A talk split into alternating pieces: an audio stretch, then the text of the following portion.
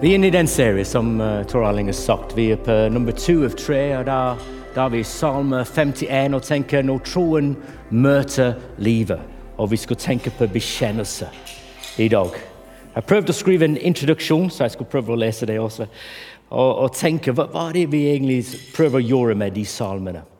Så spørsmålet var hva gjør vi når vi føler oss alene og føler forlatt? Eller skuffet over livet? Eller skuffet over andre? Eller skuffet over oss selv? Når den perfekte bildet av meg selv, toucher ære, den virkelig ekte meg og får meg til å føle jeg er god nok. Kanskje jeg bare gitt opp. Kanskje den tanken om Jesus' fred og glede føles som en fjern drøm. Salmene gir oss prosesser som starter i vår virkelighet, for å hjelpe oss å involvere Gud i den og komme inn og å være i Jesu nærhet. I dag skal vi se på Salm 51 og se hva jeg og vi kan gjøre når vi opplever skyld og skam. Hvordan høres det ut? Er noen interessert? Så jeg tenker ha av den serien for å hjelpe oss å tenke hvor er vi? Og kan vi være et sted i livet hvor vi føler at Gud er langt vekke? Men Det betyr ikke han er langt vekke, men hvordan kommer vi videre? Ikke sånn? Og Er det noen ting jeg kan gjøre alene? Er det noen ting jeg trenger noen andre å hjelpe meg med? En venn? Eller trenger jeg noen som kan virkelig hjelpe meg? For det er litt kompleks i meg. Så der skal vi prøve å se. Now, når jeg snakker med folk denne uka, så jeg prøvde å uh, forberede meg og snakke med dem. Spørsmålet jeg egentlig stilte meg når jeg snakker med dem, var uh, hvor ofte skal vi bekjenne? Jeg tenkte, Det er ikke det jeg skal snakke om. Ehm, men jeg tenkte det er egentlig et veldig bra spørsmål, for de setter kontekst for, for å tenke om bekjennelse. Og Det et vers som uh, i Lukas 9, 23. Det er Jesus som snakker om sier noen vil følge etter meg, må han fornekte seg selv hver dag, ta sitt kors opp og følge meg. Så han sier hver dag vi går gjennom en prosess som er en bekjennelse. En bekjennelse som sier når jeg, når jeg vekker meg hver dag, når jeg er våken, hvem sitter på tronen i mitt liv? Hvem er kongen i mitt liv? Og virkeligheten av hver dag for meg Jeg bekjenner min egen synd her. Det er meg som er konge. Hvis ikke går gjennom en prosess mentalt og tenker nei, Jesus, du skal være Herren og konge i mitt liv i dag. La i dag være din dag gjennom meg. Jeg liker The Message. Det er som en uh, oversettelse som prøver å ta ting i vårdagsspråk uh, av Bibelen. Og på det, det på Vi har det oversatt til norsk på en dårlig måte. Takk, Google. Uh, de sier alle som har tenkt å bli med meg, sier Jesus, må la meg lede. Du er ikke i førersetet, det er jeg. Men jeg tenker, Hva skjer med oss hver dag? Vi begynner å kjøre bilen selv. Så, så det er som en daglig bekjennelse å tenke ja, Hvems dag er det i dag? Hvem sitter på tronen i mitt liv? Hvem skal bestemme? Ikke sant? Og gå gjennom en prosess og si 'Jesus, du skal'. Ok? Så hvor ofte? Hver dag. Sånn bekjennelse. Av og til det er som vi må gi Den hellige ånd mulighet å vise oss ting. Ikke sånn? Salme 139, vers 23. David sier, 'Ransak meg, Gud, og skjønn mitt hjerte.' Prøv meg og skjønn mine tanker. Av og til det er sunt å bare gi Den hellige ånd sjanse å gjøre til. Hvor ofte av og til? Det kan vi diskutere. Men jeg tenker også problemet er for noen av oss tanken om skyld og skam det er bare da hele tiden. Og jeg liker hva Nikki Gumbel sier på Alfakurs, som er en fantastisk kurs. Han sier at uh, djevelen fordømmer oss og får oss til å føle oss skyldige. Ikke for en spesiell synd, men med en generell, vag skyldfølelse. Så Hvis du føler en sånn vag skyldfølelse i dag, er det Gud som gir deg den? Og Nikki Gumbel han sier i Alfa på den kursen sier, nei, Den hellige ånd retter vår oppmerksomhet mot en synd og identifiserer han det, slik at vi kan vende oss bort fra den. Og jeg fant den veldig brukbar i livet. For Av og til jeg føler skyldig, spesielt når jeg kjører for fort. Når jeg kjører rett, og det er politimann bak meg. Kanskje det er bare meg. Uh, men det er lett for en dårlig samvittighet for ting som er ikke virkelig. Ikke sånn? Og her er det. Hvis Den hellige ånd vil vise oss noen ting well, Hvis det er noen ting som Gud vil i vårt liv, Den hellige ånd vil vise oss hvis vi gir Den hellige ånd sjanse. Derfor tilbake til det. Ransak meg, Gud, og skjønn mitt hjerte. Prøv meg og skjønne mine tanker. Men hva skal vi gjøre når det er noen ting? Hva skal vi gjøre med skyldeskam når det er noen spesifikk at Gud peker på i vårt liv?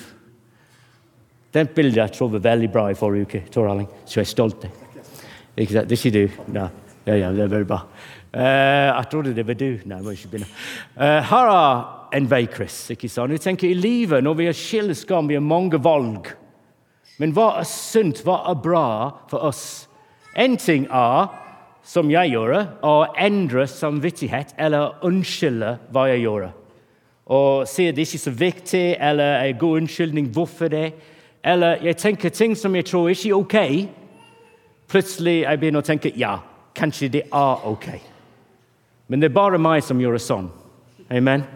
Bare sjekke. sjekke jeg er de største synder her.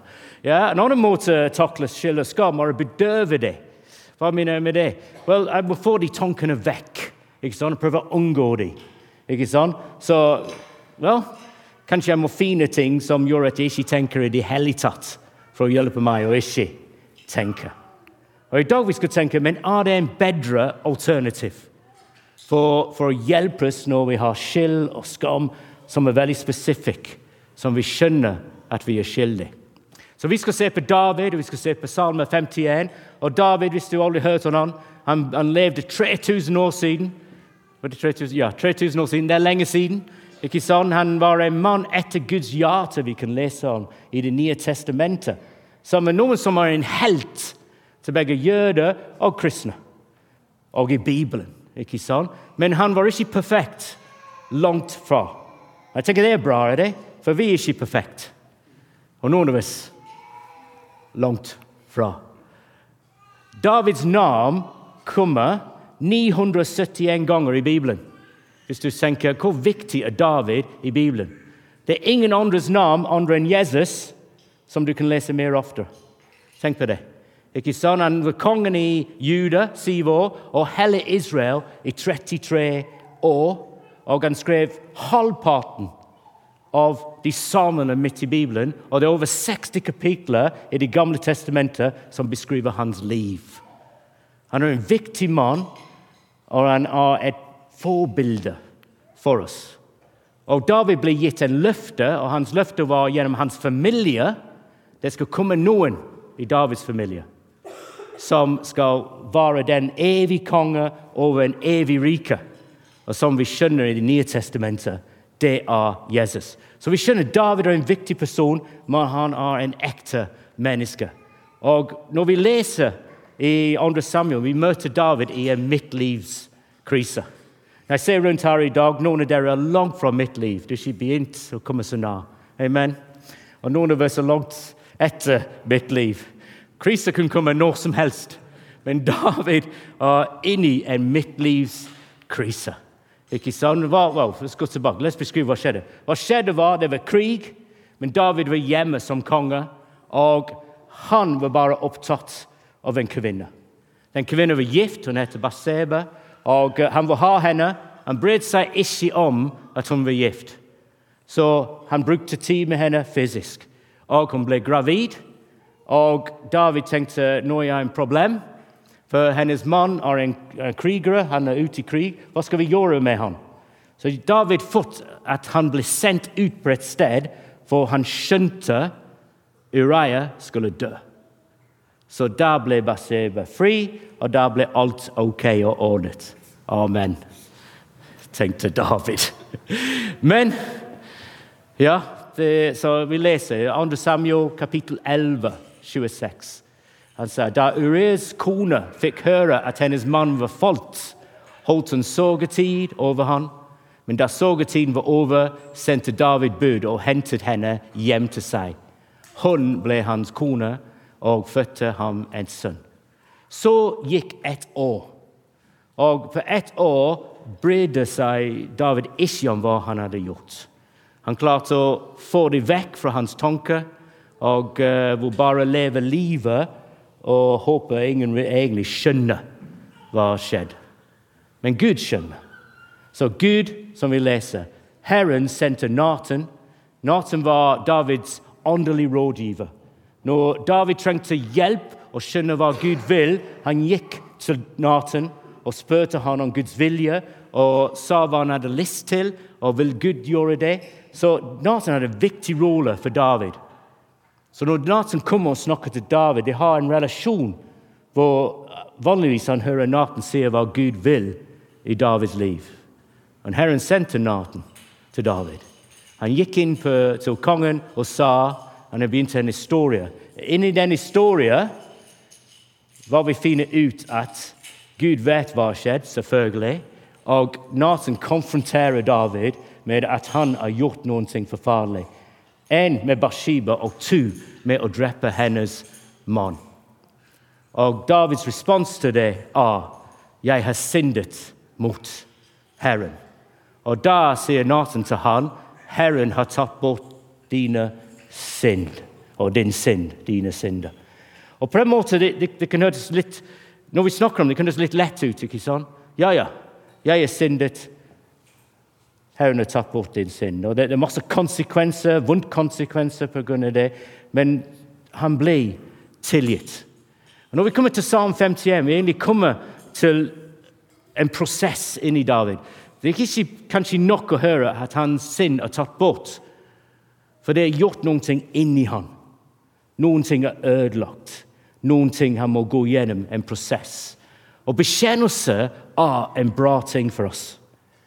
For det hjelper oss å komme videre i livet og ordne opp i ting som gikk galt, og ting vi skulle ikke ha gjort. Så hva kan David gjøre med sin skyld og skam? Vi skal tenke på at David trengte Guds nåde, ikke rettferdighet. Er det bra. At Hvordan trengte han å føle seg? Ikke sånn, Han trengte å føle seg tilgitt, fri, ren og ny. Og at bekjennelse for David og for oss skal også inkludere at vi ble forandret. Det er ikke bare å spørre om tilgivelse, men det skal forandres fra innsida også. Så har vi inn i de versene. Være meg nådig, Gud, i din kjærlighet. Stryk ut min lovbrunn i din store barmhjertighet. Vask meg ren for min skyld, og rens meg for min synd. For mine lovbrudd skjønner jeg. Min synd står alltid for meg. Mot deg alene har jeg syndet det, er som, det som er ondt i ditt øyne, har jeg gjort. Så her er begynnelsen av hans bekjennelse. Og uh, Jeg skrev opp her at de, de, dårlige nyheter er virkelig dårlige, men de gode nyheter er ekstremt gode. For det er det, det, er det vi kommer inn i, i den samme vi begynner med. Første ting han spør om, er nåde og barmhjertighet pga. Guds kjærlighet. Og den er så stor hvorfor? For den dårlige nyheten om synd er dårlig. At vi er syndere, og det er ikke bare litt vi har gjort. Og vi kan ikke gjøre noen, noen ting for å betale tilbake. Men vi står i fordømmelse alene. Det er det Bibelen sier. Og det hørtes ikke bra ut. Og du tenkte har jeg kommet her i dag og høre at jeg står i fordømmelse? Nei. Det er de dårlige nyheter. Men vi må, at, at vi må innrømme det for å komme videre. Og Det er det David gjorde. Han innrømmer hvor galt det har vært i hans liv. Han sorger over de tingene han har gjort. Og en god prosess å bekjenne er ikke bare at vi sier noen år, og da går vi videre, men at vi går i en prosess inni oss også. At vi soger over de spesifikke tingene som er galt. For det er en del av at vi forandres inni oss. Så Jeg leste noen ting uh, to uker siden, så jeg tror det var veldig bra. Psychology Today. Er det noen som leser Psychology Today? Er det noen som leser det? Nei? Heldigvis. Nei, det er veldig bra. Det var en kvinne som heter Jane Hayes, en uh, psykoterapeut uh, i London. Og han skrev om hva trenger man når man skal bekjenne skyld. Ikke sant? Så han ikke skriver som en kristen, han skriver som en psykolog. Og hun sa en terapeut er en trent lytter som kan gi klienten mot til å dekonstruere Er det norsk 'dekonstruere'? Jeg bare spør. Deconstruct tusen takk, sin hemmelige og noen ganger skyldfølte frykt. Bekjennelse i terapi bør først komme etter etablering av en, et autentisk forhold mellom klient og terapeut. En egentlig skriver om hvis folk bare kommer inn, kommer ut med masse ting som uh, de føler skyld over, og går Det er som en prosess ikke skjer i, og på en måte de aldri kommer tilbake, sier hun. Og hun vil at folk skal ha en trygg prosess. For hun begynner å beskrive hva trenger man for egentlig det ble en sunt prosess når vi bekjenner. Han skrev bekjennelse trenger et trygg sted og åpner individer for nye muligheter for emosjonell intimitet. Mulighet for å finne en sympatetisk og trent lytter gir individer mot til å dekonstruere sin hemmelige og noen gang skyldfølte frykt, som døker og skaper hemmeligheter ut av skam, skyldfølelse og frykt for avvisning. Nå, det er mange år der, jeg skjønner det. Men når jeg leser det, jeg begynner å tenke Ja, hva har vi i Jesus? Hva har du og jeg i Jesus? Når jeg begynner å tenke hva hun beskriver at mennesker trenger, jeg tenker har vi det i Jesus? Et trygg sted hvor vi, det er mulighet for emosjonelle intimitet. Hvor vi kan komme med vår skam og skyldfølelse, og også uten å være redd og bli avvist. Now, det er slutten i dag. Amen. La meg gå. Ikke sant? Det ville vært forferdelig ved det. Men jeg tror det er en bra spørsmål å stille. Har vi det i Jesus? For mitt svar er ja. Når vi begynner å tenke på de alternativene vi har, jeg tror i Jesus vi har en bedre alternativ enn å prøve å få vekk skyld og skam.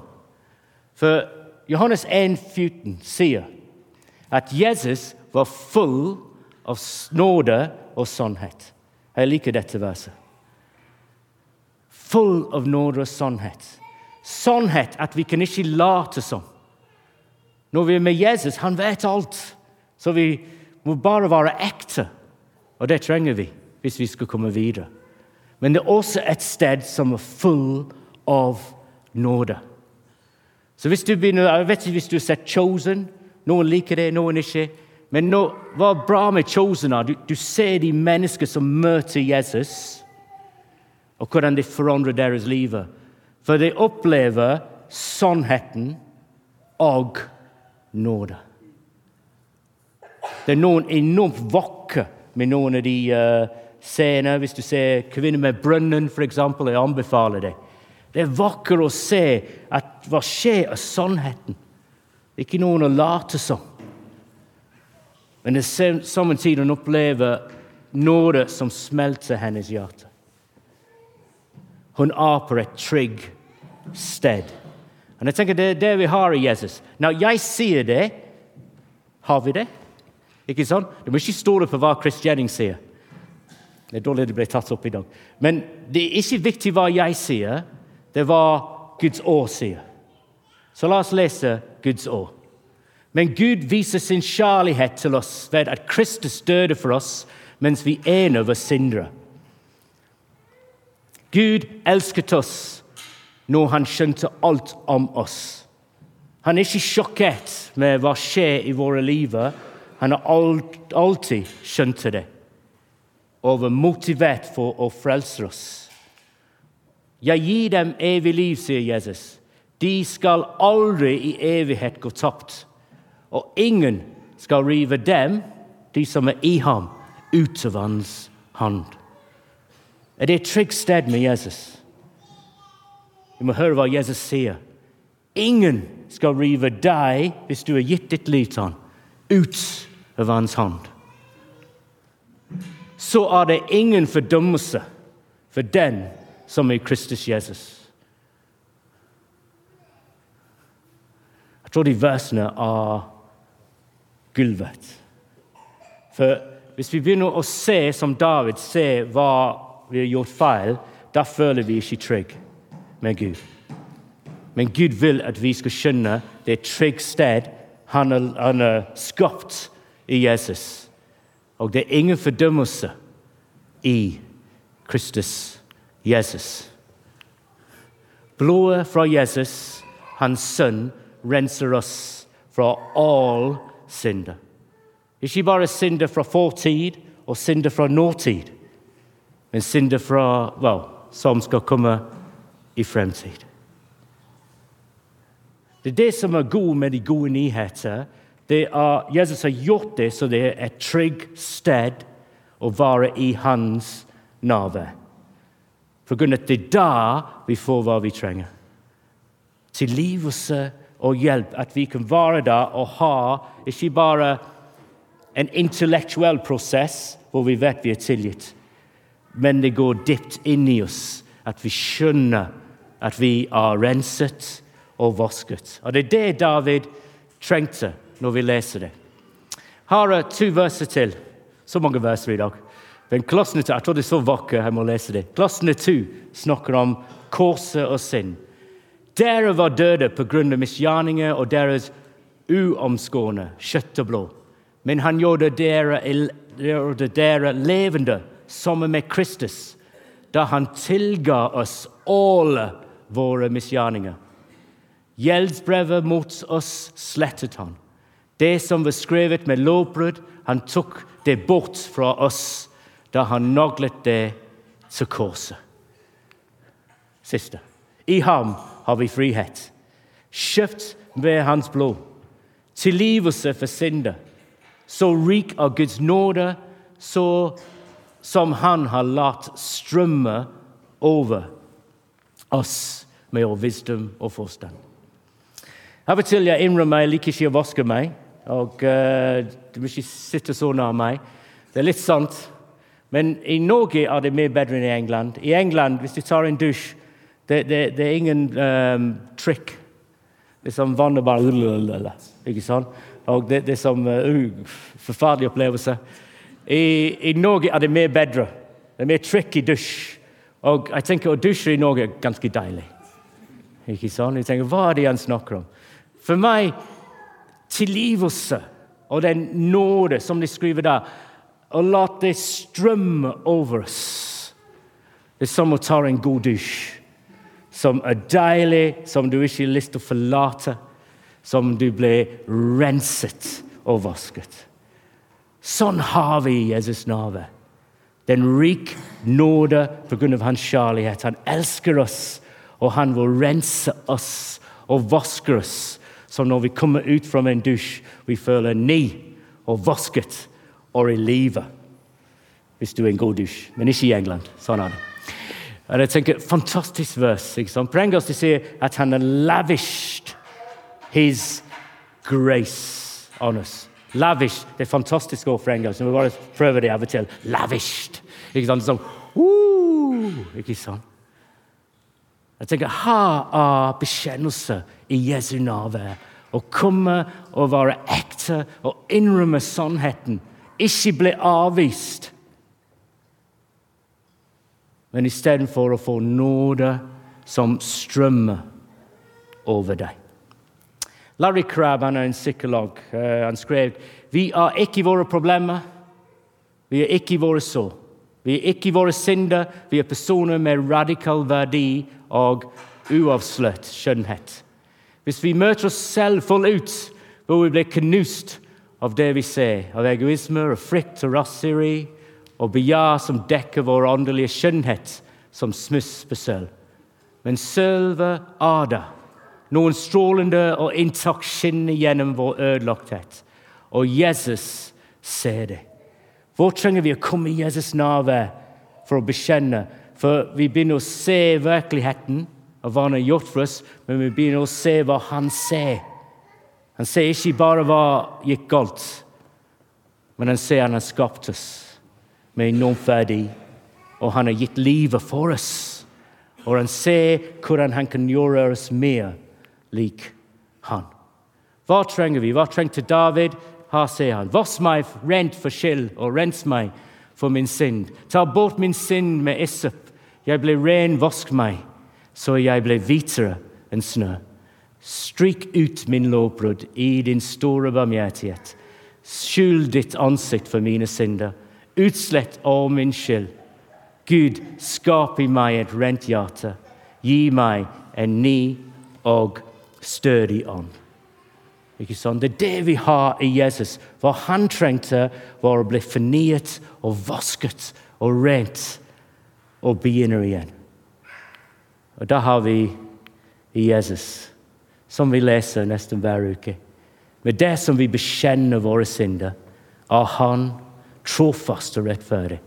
Så Han tilgir oss synder og renser oss fra all urett. Så David i den prosessen han er inne i, det er ikke bare at han bekjenner, og det er for en veldig følelsesmessig måte han bekjenner. Han sier de samme ting på forskjellige måter, og ting skjer i ham. Ikke sant? Hvis vi leser 'Jeg vil lære lovbrytere dine veier'. Syndene skal vende om til deg. Herre, lukk opp mine lepper, så min munn kan lovprise deg inni det, hva skjer i hans hjerte? Det skjer at han blir, jeg håper, mer ydmyk. Begrunnet istedenfor å peke finger for andre. Han skjønner svakheten selv. Han må være mer avhengig av Gud, av å hjelpe andre. Og jeg tenkte det det skulle skjedd. Det er derfor bekjennelser er viktig for oss også. Å bli mer lik Jesus. At vi egentlig er mer ydmyke med hverandre og Istedenfor å dømme hverandre, vi vil hjelpe hverandre. De andre ting som skjer, Han begynner å forstå Guds nåde er større enn han tenkte. For Guds nåde står nok og tilgi våre synder. Og han får en mer realistisk sinn av seg selv. Når vi tenker på å være i Jesus' nærhet, det er en trygg sted, og det er et sted hvor vi begynner å bli mer lik Han. Her er Klossene tre, som kommer etter Klossene to, som vi leste. Dere er Guds utvalgte, hellig og elsket av Han. Utvalgte og hellig. Hvorfor er vi hellige? Av at vi er i Kristus. Ikke på grunn at vi klarer å leve perfekt, men det er vår status i Jesus. Men å være i hans nærvær skulle forandre oss. Lese videre. Kle dere derfor i inderlig medfølelse og være gode milde, ydmyke og tålmodige. Så dere bare over hverandre og tilgi hverandre hvis den ene har noen å bebreide den andre. Som Herren har tilgitt dere, skal dere tilgi hverandre. Og av alt dette kle dere i kjærlighet, som er båndet som binder sammen og gjør fullkommen.